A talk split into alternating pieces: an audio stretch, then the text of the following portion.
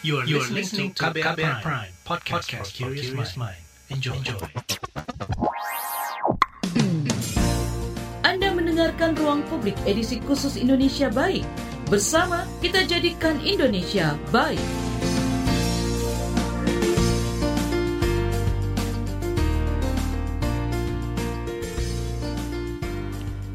Selamat pagi, kita berjumpa kembali dalam ruang publik edisi Indonesia Baik dengan tema Setulus Hati Atasi Pandemi. Pandemi COVID-19 kian mengganas. Kasus harian pekan ini tembus 30 ribu kasus. Sejumlah rumah sakit kolaps kekurangan tempat tidur hingga tabung oksigen. Mengetahui kondisi darurat ini, sejumlah gerakan masyarakat menggelar bantuan gratis untuk sesama. Salah satunya dilakukan oleh Solidaritas Gerakan Sejuta Tes Antigen. Tak hanya itu, ada juga bantuan berupa penyampaian informasi dan data yang dilakukan oleh Kawal COVID-19. Lantas bagaimana komunitas masyarakat ini terus konsisten membantu mengatasi pandemi? Untuk membahasnya kita akan simak penjelasan Arif Bobil, relawan solidaritas sejuta tes antigen untuk Indonesia, dan Elina Ciptadi, co-founder Kawal COVID-19. Pada segmen pertama ini kita akan menyimak penjelasan Elina Ciptadi, co-founder Kawal COVID-19. Perbincangan ini dipandu rekan Fitri Anggreni. Uh, Kawal COVID uh, menjadi salah satu kelompok masyarakat yang concern dan peduli terhadap kondisi pandemi saat ini dari awal ya Mbak ya. Boleh diceritakan Mbak seperti apa kegiatan Kawal COVID ini sejak uh, pertama kali uh, pandemi dinyatakan uh, ada di Indonesia Mbak? Oke, ini agak panjang ini ceritanya. Saya coba uh, ringkas ya. Jadi um, relawan-relawan pertama di kawal COVID-19 itu adalah alumni kawal pemilu. Yang kami berasal dari uh, background-nya macam-macam, tetapi satu hal yang uh, kami semua itu punya satu kesamaan itu adalah kami senang data. Nah, set, uh, kawal pemilu kan terakhir aktif itu 2019. Tapi kan setelah itu grup chatnya masih ada, kami jadi teman gitu ya. Uh, jadi kemudian kami sering chatting, kami sering uh, ngobrol-ngobrol lah untuk masalah-masalah lain lah gitu, maksudnya hal-hal lain. Kita kadang-kadang suka makan bareng lah, ketemuan gitu ya. Uh, kemudian ketika Januari kita mulai mendengar tentang uh, apa namanya SARS-CoV-2 ini ya, NCOV 2019 waktu itu masih namanya. Kami uh, mulai mengamati datanya karena datanya tersedia di situsnya apa sih namanya CDC-nya Cina itu uh, mereka membuka datanya sehingga kita bisa melihat grafik kasusnya setiap hari. Uh, ini kan fenomena baru ya waktu itu. Jadi kita kita ngelihat gitu ada ada teman kita yang ngelihat datanya. Nah, kemudian satu hal yang kemudian kita realize itu adalah ini kok penyakitnya nyebarnya cepat banget ya, seperti SARS tapi lebih menular. Kita kan ada yang pernah tinggal di Hong Kong, ada yang pernah tinggal di Singapura gitu. Jadi kita kan jadi kita masih ingat gitu ketika dulu ada SARS itu seperti apa kondisinya. Jadi waktu itu kita berpikir oh ini seperti SARS gitu. Kita coba lihat datanya, eh tapi kemudian kita menyadari bahwa ini menularnya lebih cepat. Lompatnya dari satu kota ke kota lain di Cina itu lebih cepat. Kemudian uh, melompatnya dari Cina ke negara-negara lain, ke Iran, ke Italia, ke Inggris, ke Singapura Februari waktu itu juga sudah kena. Uh, itu juga cepat sekali. Jadi kita mulai mengamati data-data di banyak negara. Kemudian uh, di bulan Februari 2020 itu, di bulan Februari itu kami menunggu uh, kebijakan pemerintah untuk me mencegah pandemi ini masuk ke Indonesia atau kalau, kalau misalnya ternyata sudah ditemukan di Indonesia, then what gitu ya next stepnya. Tapi kita tidak mendengar itu dari pemerintah. Sementara dari sisi masyarakatnya juga kelihatan sekali bahwa mereka ini haus info tentang COVID-19 ini, tetapi berita yang apa namanya kabar yang beredar di WhatsApp, di sosial media, bahkan di media uh, di apa media-media online yang uh, mainstream ya, itu beredarnya tuh yang yang jamu ini, jamu itu, herbal ini, herbal itu, vitamin apa segala macam gitu. Ini virus buatan dari mana? Terus kita berpikir, ya ampun kalau yang dari pemerintahnya tidak memberikan informasi yang benar, tidak tidak punya istilahnya nggak pasang kuda-kuda gitu ya. Sementara dari masyarakat juga dapatnya informasi yang kayak gini ya begitu ini ya kacau lah gitu ya kalau ini masuk ke Indonesia gitu. Nah jadi kami jadi resah sendiri, kami merasa bahwa kita sudah memonitor uh, informasinya, mengumpulkan informasinya sejak bulan Januari, akhir Januari ya. Um, dan lama-lama kita merasa ini teman-teman di Indonesia ini perlu tahu bagaimana ini menularnya, kemudian uh, uh, apa namanya tingkat kematiannya dan uh, prosentase sembuhnya, apanya, segala macam cara pencegahannya, apa yang harus dilakukan rumah sakit segala macam gitu ya. Itu kami jadi akhirnya kok nggak ada yang melakukan ini di Indonesia?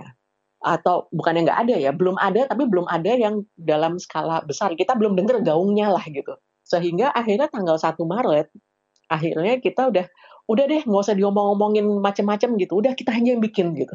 Nggak usah nunggu orang lain kita aja yang bikin. Terus kita kemudian berpikir lah kita tahu apa gitu? Kita bukan orang kesehatan masyarakat kita belum uh, kita ya pokoknya kita merasa kita, ini bukan bidangnya kita gitu ya.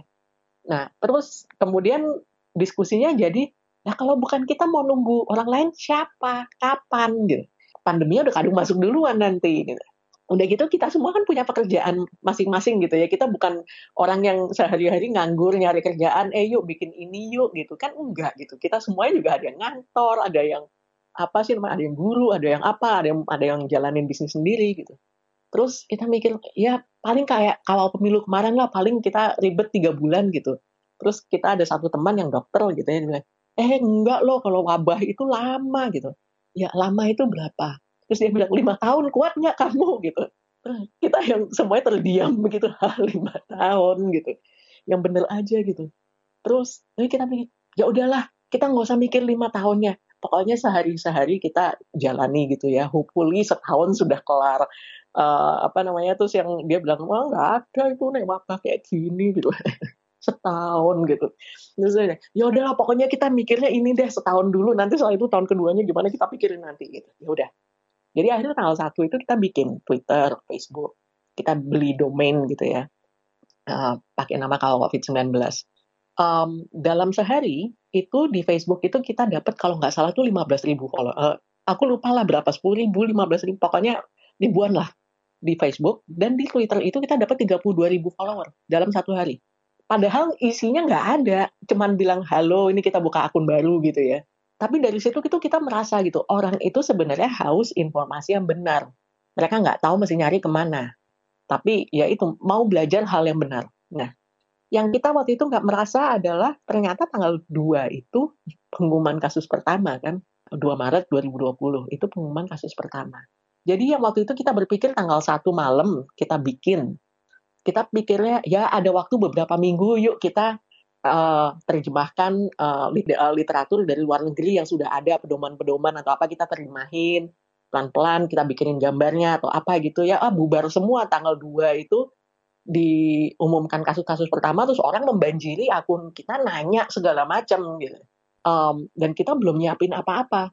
Nah tapi ya itu awalnya awal COVID-19 itu begitu sebenarnya. Jadi hanya ingin mengkurasi informasi yang benar yang bisa dipercaya yang berdasarkan data yang sudah ada buktinya dan itu yang kita sajikan ke publik. Jadi kalau uh, Mbak lihat uh, entah itu sosial media kita atau um, apa sih namanya atau juga website kita, isinya adalah panduan-panduan yang referensinya itu menggunakan hal-hal uh, yang sudah digunakan, yang sudah dibuktikan dan ada datanya. Jadi untuk setiap konten yang kita taruh di luar sana itu istilahnya kita bisa mempertanggungjawabkan kesahihannya gitu.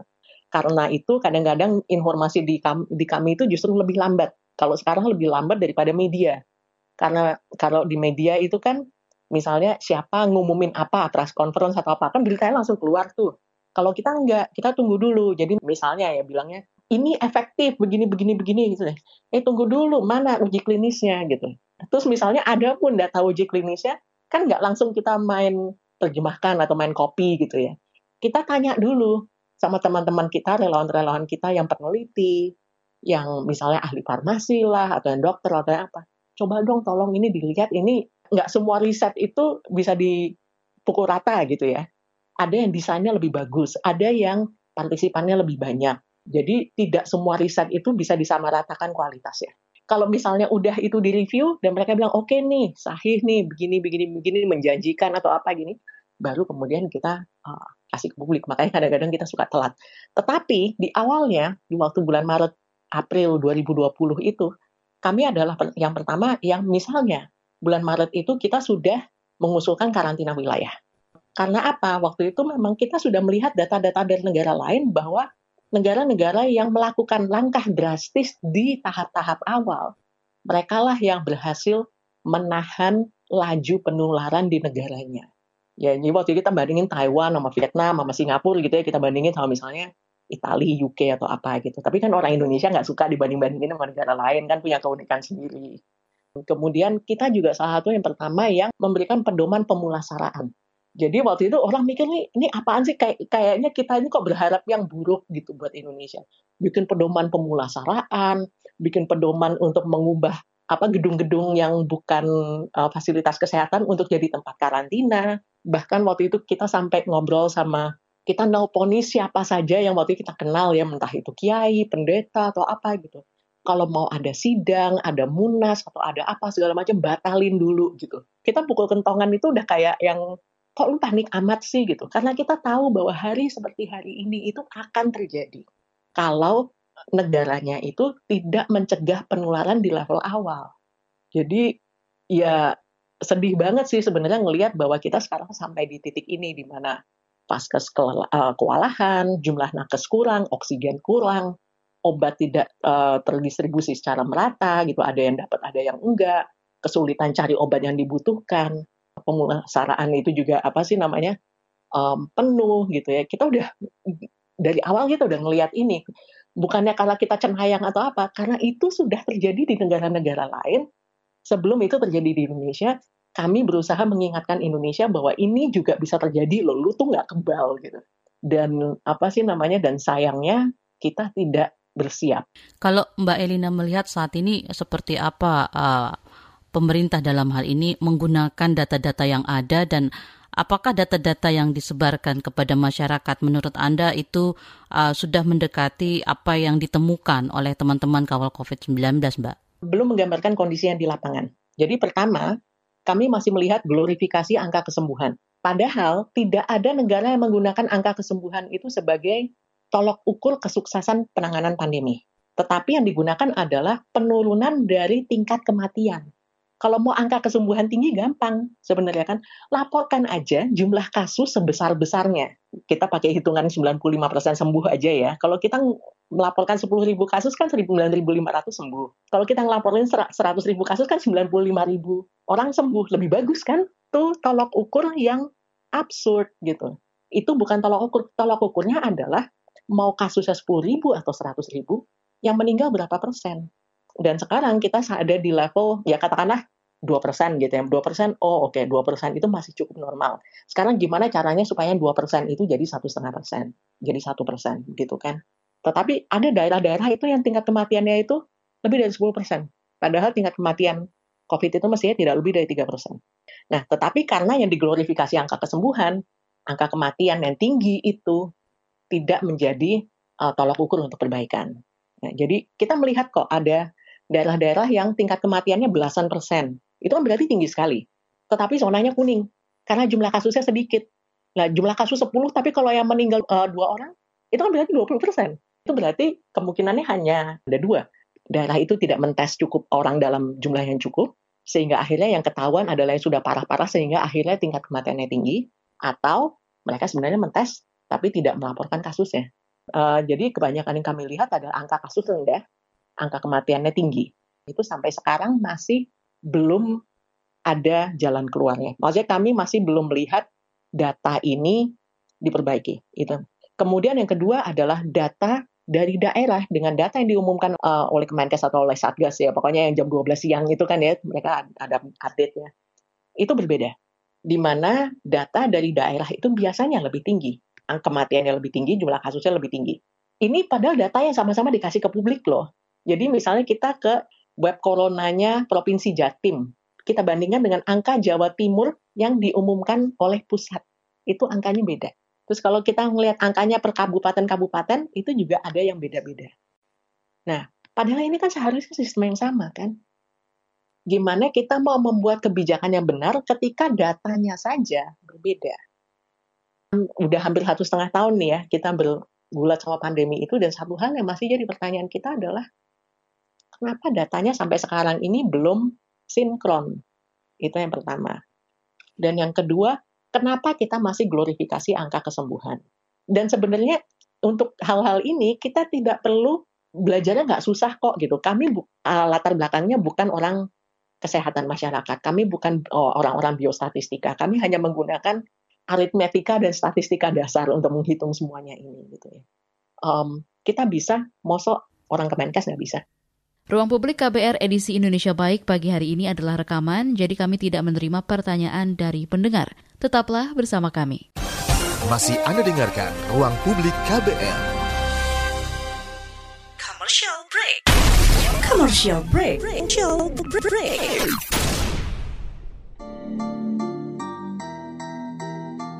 Come on yo. Buat yang sukanya berhoax, you better listen to this one. Check this one out yo. Hati-hati kalau baca kabar Hoax. Jangan langsung disebar kabar yang Hoax. Kalau mau tahu kabar benar atau Hoax. dengerin cek fakta yang pasti bukan Hoax. Dengerinnya setiap Senin yang jelas bukan Hoax. Cuma ada di kbrprime.id dan aplikasi podcast lainnya. Hoax. Sudah cukup-cukup hoaxnya? Hoax. Cukup. Jaga emosi, tahan jari, verifikasi sebelum dibagi. Saya Ari Bowo Sasmito, Ketua Komite Pemeriksa Fakta Mafindo. KBR Prime, podcast for curious mind. Anda mendengarkan Ruang Publik edisi khusus Indonesia Baik. Bersama kita jadikan Indonesia baik.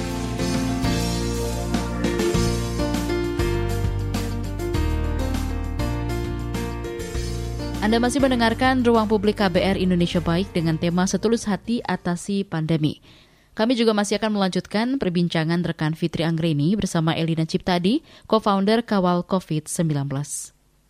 Saat ini kan banyak sekali informasi berseliweran, baik yang katakanlah bisa terpercaya maupun yang uh, kadang-kadang menyesatkan atau misinformasi begitu ya Mbak ya. Dan satu sisi juga mulai banyak masyarakat yang berkomentar gitu, ngapain sih uh, apa uh, berita-berita uh, tentang COVID ini terus ditaruh di statusmu itu kan bikin panik, bikin kita khawatir. Nah, bagaimana Mbak Elina melihat sikap-sikap uh, semacam katakanlah dalam tanda kutip sudah muak melihat berita-berita data-data tentang COVID ini, Mbak. Apa yang sebaiknya dilakukan? Um, fatik dan kelelahan itu sangat bisa dipahami. Kami pun lelah kok. Kami pun lelah gitu. Masalahnya virusnya nggak lelah sama kita. Dan istilahnya mengabaikan fakta bahwa virusnya masih ada di sini. Jadi kalau mau nih, kita bisa stop nih. Misalnya kawal COVID, lapor COVID, segala macam. Ini kita stop. Stop umumkan data segala macam. Bukan karena kita stop memberitakan, kemudian virusnya jadi pergi kan. Masalahnya tetap ada. Jadi bagi orang-orang yang bosan mendengar COVID, pertama kami sangat mengerti, kami pun bosan. Tapi yang kedua virusnya itu masih ada. Sehingga kalau semuanya ini berhenti diberitakan pun, virusnya akan tetap ada.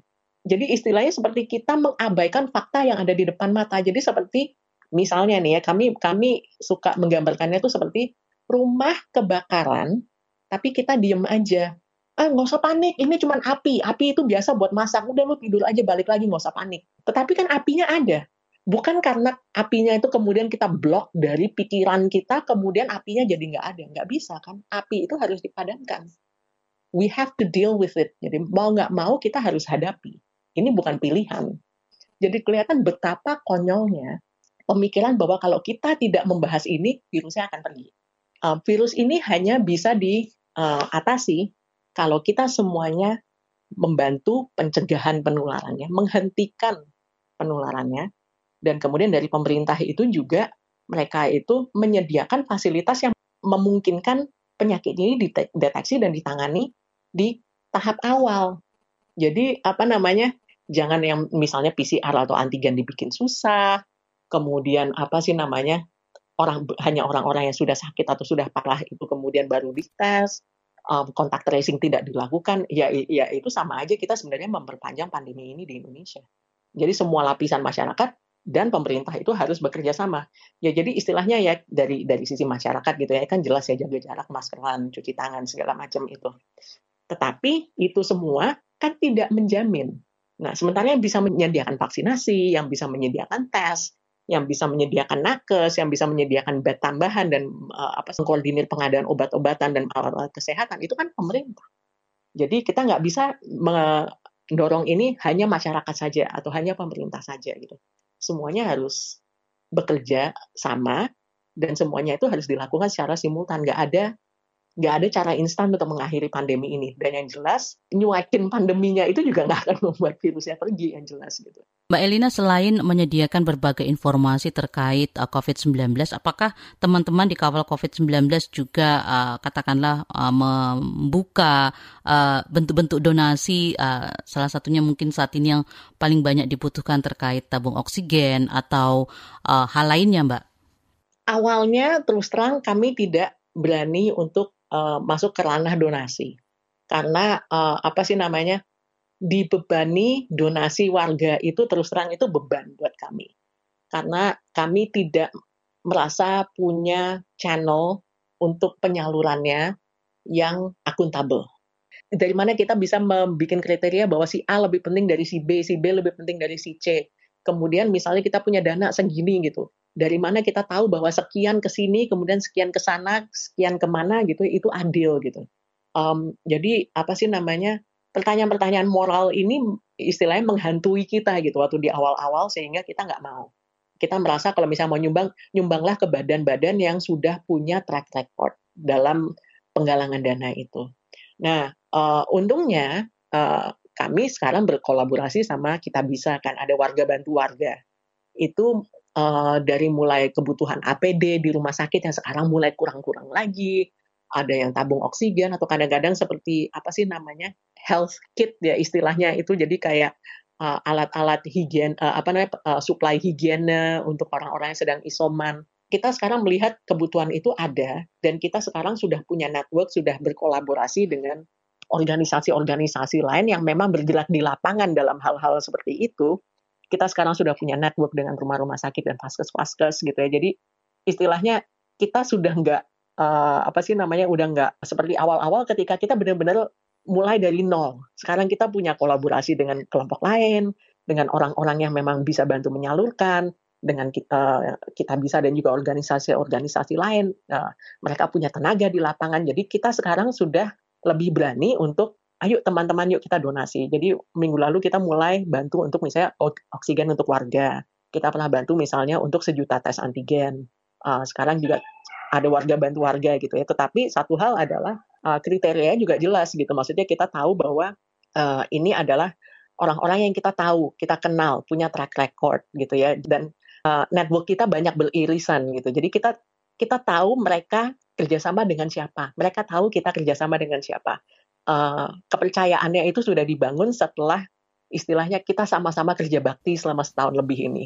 Uh, saat ini kan kondisi di Indonesia kasusnya terus meningkat ya Mbak ya. Nah seperti apa sebaiknya masyarakat ikut uh, berperan dalam mengurangi uh, penyebaran uh, COVID ini Mbak dengan menggunakan data-data yang ada terutama yang uh, saat ini banyak sekali berseliweran di media sosial dan juga aplikasi perpesanan Mbak.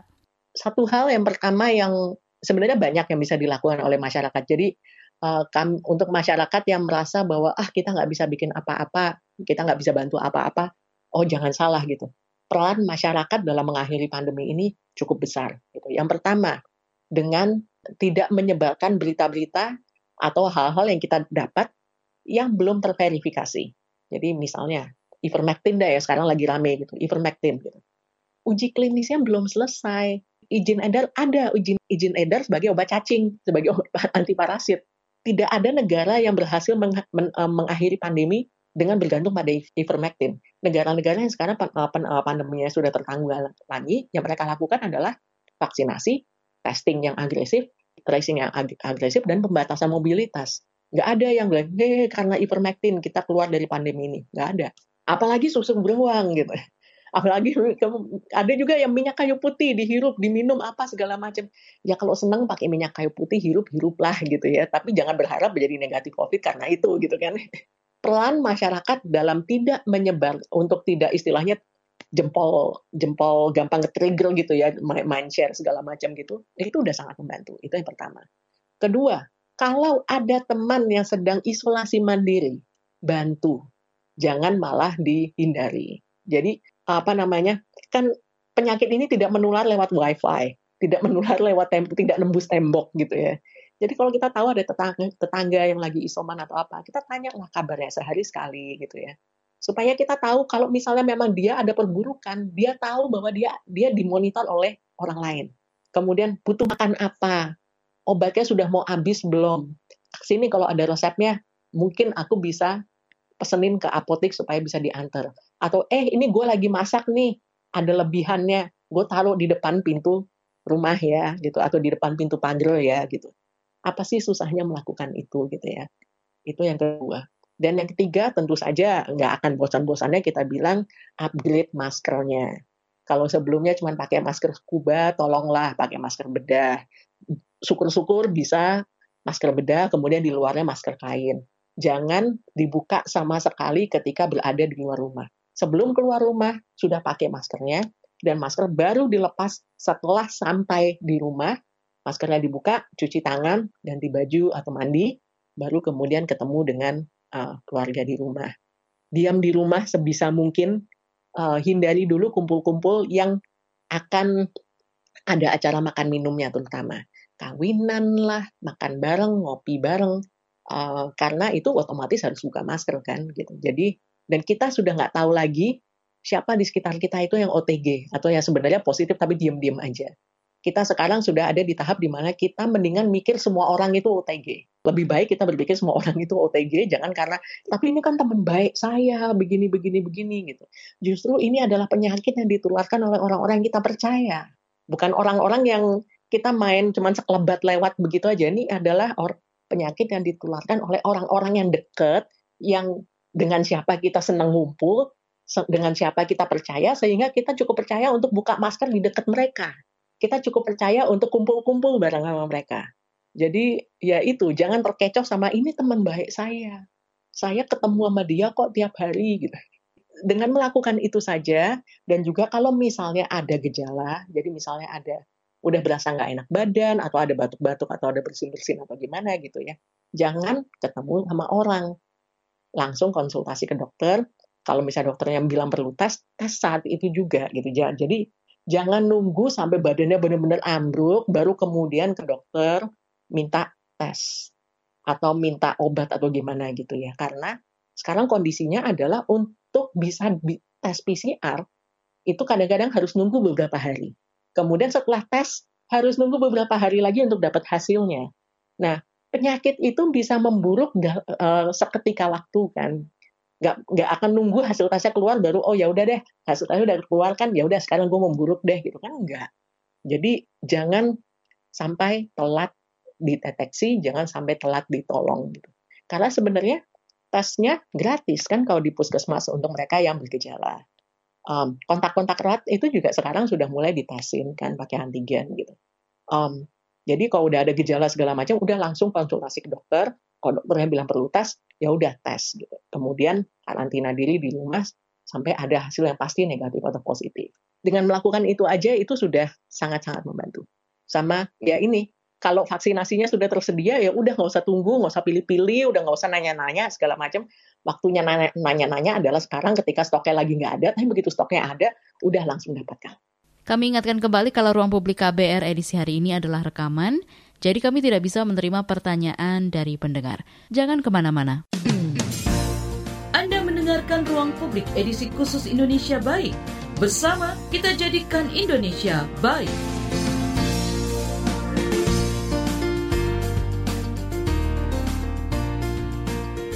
Terima kasih untuk Anda yang masih setia mendengarkan Ruang Publik edisi Indonesia Baik dengan tema Setulus Hati Atasi Pandemi. Kali ini kita akan simak penjelasan Arif Bobil, relawan solidaritas sejuta tes antigen untuk Indonesia. Mas Bobil, kita mengetahui ada gerakan solidaritas gerakan sejuta tes, Mas. Boleh diceritakan soal gerakan ini apa yang melatar belakangi solidaritas ini muncul dan uh, sejak kapan dan siapa saja yang terlibat dalam solidaritas ini, Mas? Gerakan eh, solidaritas sejuta tes antigen itu eh, pertama kali di launching pada tanggal 28 Oktober 2020. Inisiatornya dari berbagai latar belakang profesi, ada seniman, ada eh, sastrawan, kemudian ada akademisi, ada praktisi, ada wartawan, dan lain-lain gitu. Nah, uh, gerakan solidaritas tes antigen itu awalnya untuk merespon uh, pada waktu itu penggunaan uh, alat tes swab antigen itu masih sangat minim. Sementara uh, WHO sudah menganjurkan bahwa uh, tes antigen itu dianjurkan untuk dipakai melakukan tracing ataupun pelacakan kasus gitu. Nah, dari situ kami kemudian melakukan kampanye bahwa pentingnya untuk menggunakan tes antigen, lalu uh, juga membuka saluran donasi di uh, website uh, sejuta tes titik ID. Nah, dengan donasi itu uh, gerakan ini uh, membelanjakan atau menyediakan uh, alat tes gratis gitu. Tes yang dilakukan untuk pelacakan ya, bukan untuk orang-orang yang ya, ingin betul. bepergian begitu ya sebagai syarat ya. perjalanan ya.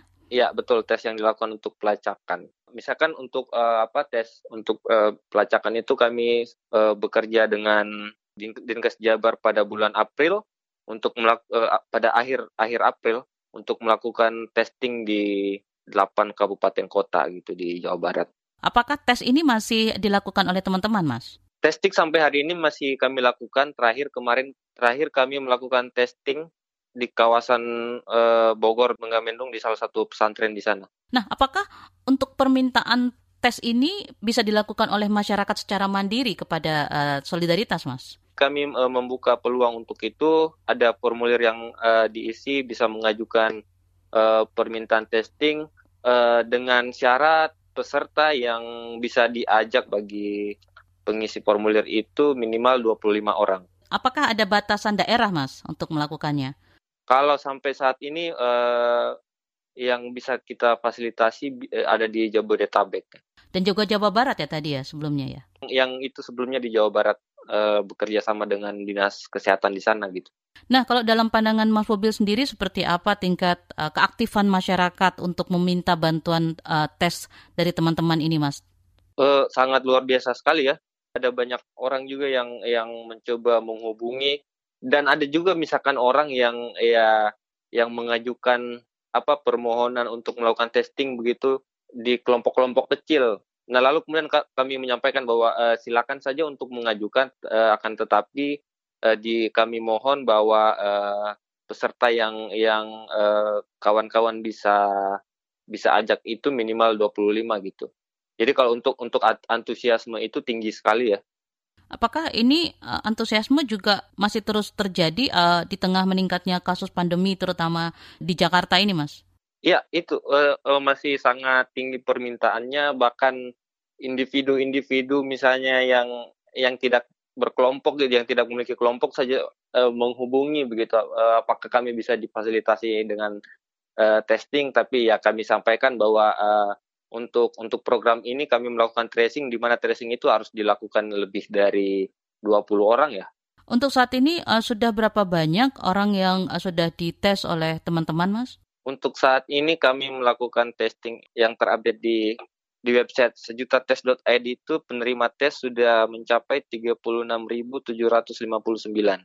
Dan eh, setelah tes, apa yang dilakukan selanjutnya, Mas? Apakah kemudian teman-teman juga uh, melakukan langkah follow up dari hasil tes yang didapat, Mas? Hasil tes itu kami laporkan ke, ke puskesmas terkait ya. Uh, lalu kemudian kami ber, uh, kami berharap bahwa puskesmas itu melaporkan uh, hasil hasil testing kami kepada uh, tim satgas gitu biar biar terlapor.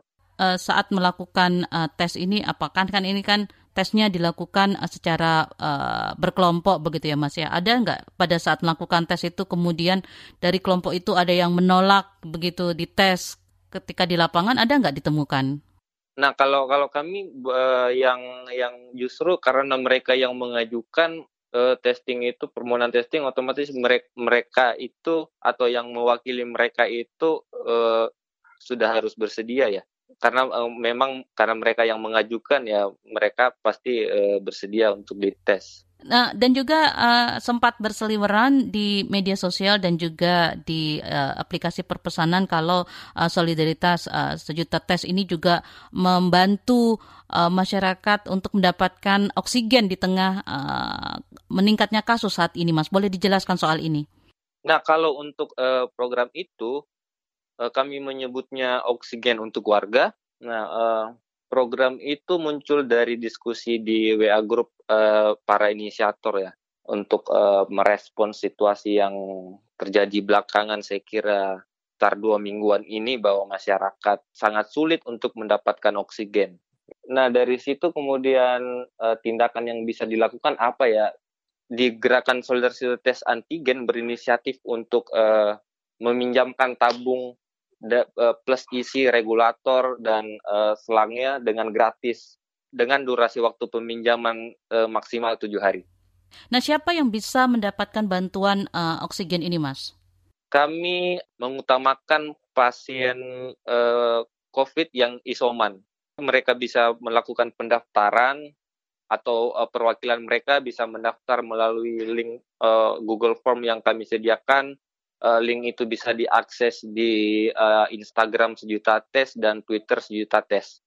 Uh, sejauh ini sudah berapa banyak uh, permintaan uh, dan berapa banyak yang sudah dikabulkan untuk uh, oksigen untuk warga ini, Mas?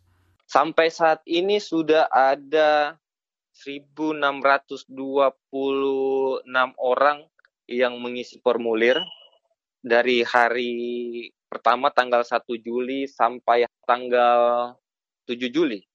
Dalam waktu tujuh hari itu sudah ada yang mengisi formulir 1.626 orang. Nah, lalu kemudian yang bisa kami pinjamkan itu sudah ada 157 orang. Masih sangat sedikit dari uh, yang membutuhkan ya, Mas ya?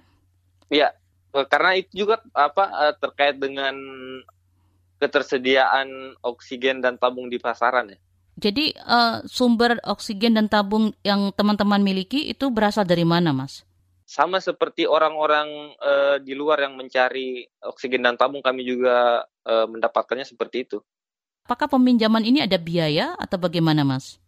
Tidak ada biaya sama, sama sekali ya. Kami meminjamkan secara gratis dan kami juga uh, membuka peluang bagi uh, perwakilan pasien apakah akan diantarkan tabung oksigennya atau mereka yang mengambil sendiri ke hutan kayu nama Panhar. Untuk saat ini berarti uh, hanya melayani daerah Jakarta saja, Mas? Untuk saat ini kami melayani Jakarta, Kota Bogor, Kota Depok, Kota Bekasi, Tangerang. Jabodetabek ya? Jabodetabek.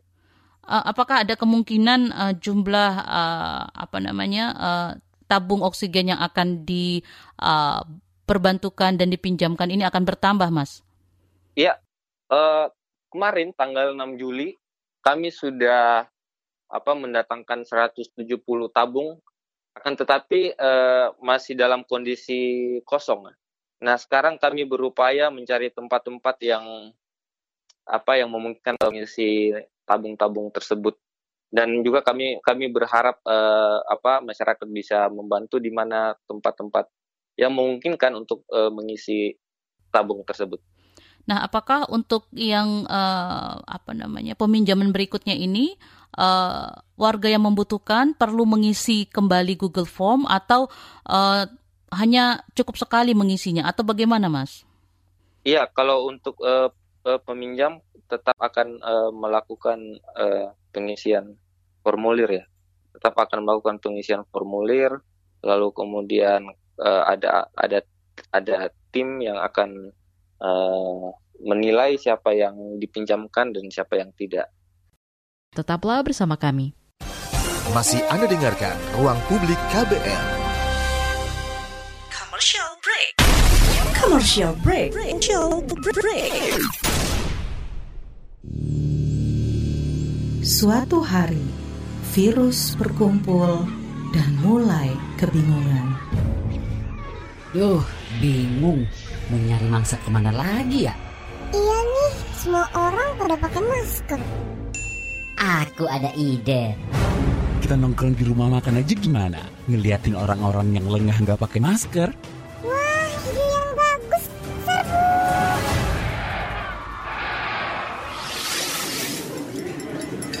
Hati-hati makan bersama saat pandemi. Sebaiknya pilih ruang terbuka, tetap jaga jarak kamu 1,5 meter jika duduk bersebelahan, 2 meter jika berhadapan. Batasi waktu makan bersama 30 menit saja dan jangan berbicara saat makan. Jika sudah selesai, gunakan kembali maskermu ya. Jangan sampai lengah, COVID masih ada. COVID masih ada. Pesan layanan masyarakat ini adalah kampanye bersama media lawan COVID-19. Mendengarkan Ruang Publik edisi khusus Indonesia Baik. Bersama kita jadikan Indonesia baik.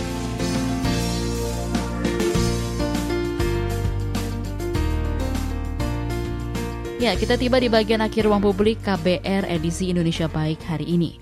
Kita juga masih memperbincangkan terkait peran semua pihak dalam mengatasi pandemi. Kami juga masih bersama dengan Arif Bobil, relawan solidaritas sejuta tes antigen untuk Indonesia. Uh, sempat disebutkan kalau kondisinya yang isoman ya, apakah ada kriteria lain orang yang bisa mendapatkan bantuan uh, oksigen untuk warga ini, Mas? Kami melihat dari saturasi oksigen dari saturasi oksigen mereka yang yang diisi di formulir tersebut. Tentu kami lebih mengutamakan yang lebih rendah ya dibanding pendaftar yang lain. Dari tabung yang dikembalikan itu eh, kami akan pinjamkan lagi. Ada perjanjian yang harus eh, disepakati bagi peminjam tabung bahwa ketika mengembalikan tabung eh, tabung itu harus dalam kondisi terisi supaya kami bisa meminjamkan ke orang yang ke orang lain lagi gitu um, dipinjamnya dalam keadaan terisi, nanti dikembalikan dalam keadaan terisi lagi supaya segera ya, bisa didistribusikan ya. Betul. Seperti banyak diberitakan di media terjadi kesulitan untuk mengisi uh, oksigen, tabung-tabung oksigen dan juga untuk mendapatkan tabung oksigen. Apakah ini juga uh, dialami oleh teman-teman solidaritas untuk mengisi tabung-tabung oksigen yang sudah dimiliki, Mas? Untuk saat ini kami juga cukup kesulitan ya untuk mencari uh, di mana depo-depo pengisian oksigen Uh, maka dari itu juga kami uh, apa kami mengharap atau kami meminta apakah ada informasi yang bisa di kami dapatkan di mana tempat-tempat pengisian yang bisa membantu kami gitu. Apakah tidak ada uh, kemungkinan untuk uh, bekerja sama dengan pemerintah daerah dalam hal ini, Mas, untuk pengisian tabung-tabung uh, oksigen ini? Obrolan ke arah situ belum belum belum belum dipikirkan ya. Oke, jadi belum ada ya, masih uh, mandiri saja mencarinya ya? Iya, iya, iya. Uh, sampai saat ini kami masih uh, mencoba untuk uh, semandiri mungkin ya.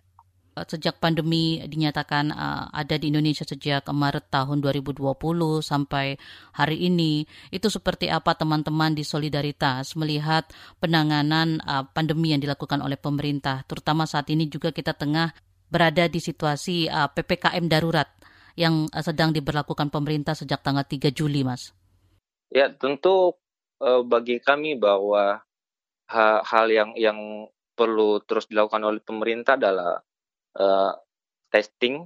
Dalam hal ini uh, pelacakan kasus, uh, lalu kemudian uh, pengetatan ya di pintu-pintu masuk, kemudian fasilitas-fasilitas uh, kesehatan diperbanyak lagi gitu, uh, tempat tidur, terus um, ruang ICU itu yang yang bagi kami yang yang perlu sangat uh, diperhatikan oleh pemerintah ya. Karena kondisi yang terjadi pada hari ini itu kan uh, menunjukkan bahwa uh, kita masih mengalami kekurangan misalnya oksigen pun kekurangan. Uh, lalu kemudian uh, uh, isu seminggu lalu soal uh, kapasitas tempat tidur, lalu uh, membludaknya orang di rumah sakit, bahkan banyak sekali warga yang yang menelpon, yang yang meminjam, uh, yang mau meminjam tabung oksigen itu mengeluh bahwa uh, kami tidak diterima di rumah sakit gitu, karena uh, karena kondisinya full. Saya, saya kira itu yang yang perlu segera di, ditangani oleh pemerintah ya. Sejauh ini menurut Anda upaya PPKM darurat dengan melakukan pembatasan pergerakan masyarakat ini menurut Anda uh, berjalan seperti apa di lapangan kalau Anda lihat Mas? Kalau untuk PPKM uh, untuk menilai apakah itu uh, ap apakah jalannya efektif atau tidak uh, itu mesti kami mesti pantau terus di lapangan ya. Tapi kemudian bahwa apakah PPKM itu perlu perlu bahwa pembatasan itu perlu untuk melakukan pelacakan eh, dibatasi tapi kemudian orang yang dibatasi itu harus dilacak benar-benar di mana apa bagaimana eh, situasi bagaimana peredaran eh, virus yang ada di di lokasi itu gitu di tempat itu. Nah, tentunya kebutuhan akan oksigen masih akan terus uh, tinggi selama kasus uh, COVID juga masih tinggi ya Mas ya. Nah, apakah uh, sudah ada rencana-rencana ke depan uh, dari teman-teman untuk terus menambah kapasitas uh, tabung oksigen yang bisa dipinjamkan dan apakah juga kepikiran untuk menjalin kerjasama karena juga ada beberapa inisiatif serupa yang dilakukan oleh organisasi-organisasi lain, Mas? Ya tentu kami selalu berupaya untuk um, memperbesar uh, apa jangkauan gerakan ya. Uh, misalkan membuka pos-pos uh, baru di di lima tempat itu di Jabodetabek gitu. Kami berupaya ke situ. Uh, lalu kemudian tentu juga uh, kami juga melihat bagaimana uh, kapasitas uh, oksigen yang ada, tetapi kami juga tidak tidak tidak memaksakan diri bahwa apa bahwa uh, kami merasa tidak memiliki keterbatasan gitu loh. Nggak nggak mungkin uh, berpikir bahwa uh, uh, seperti itu.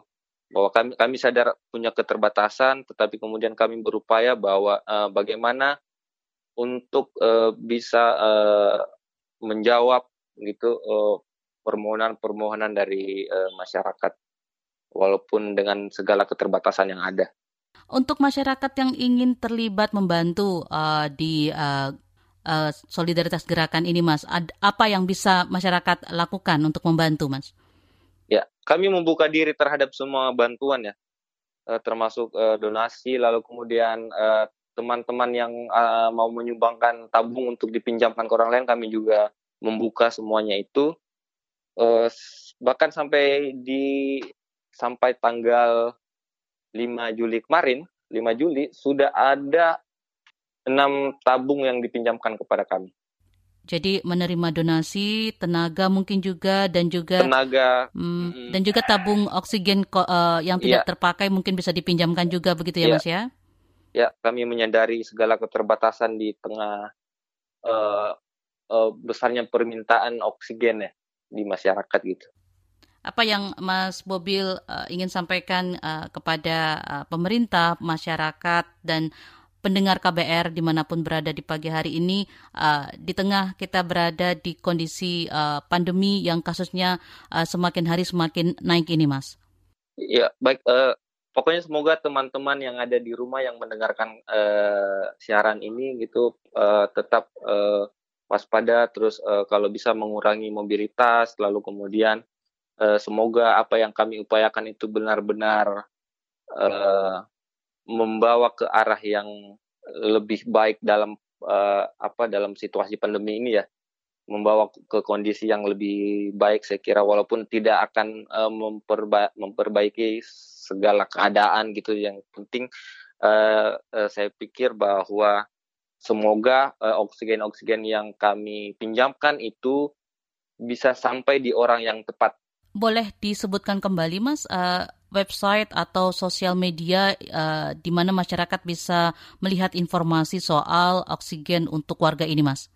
Ya untuk teman-teman yang mau uh, melihat informasi gerakan solidaritas juta tes antigen untuk Indonesia itu ada websitenya di sejuta tes.id kemudian Instagramnya sejuta tes dan Twitternya sejuta tes. Dan di sini juga bisa didapatkan informasi terkait peminjaman uh, tabung oksigen juga ya Mas ya? Iya, Google Google Form uh, yang yang kami sediakan ada di di Instagram dan Twitter sejuta tes. Demikian ruang publik KBR edisi Indonesia Baik dengan tema Setulus Hati Atasi Pandemi. Dan bagi Anda yang tidak sempat mendengarkan siaran ini secara utuh, bisa mendengarkannya kembali di podcast kbrprime.id lalu pilih ruang publik. Terima kasih untuk kebersamaan Anda pagi ini. Saya Naomi Liandra undur diri. Salam. Baru saja Anda dengarkan Ruang Publik KBR. KBR Prime, cara asik mendengar berita. KBR Prime, podcast for curious mind.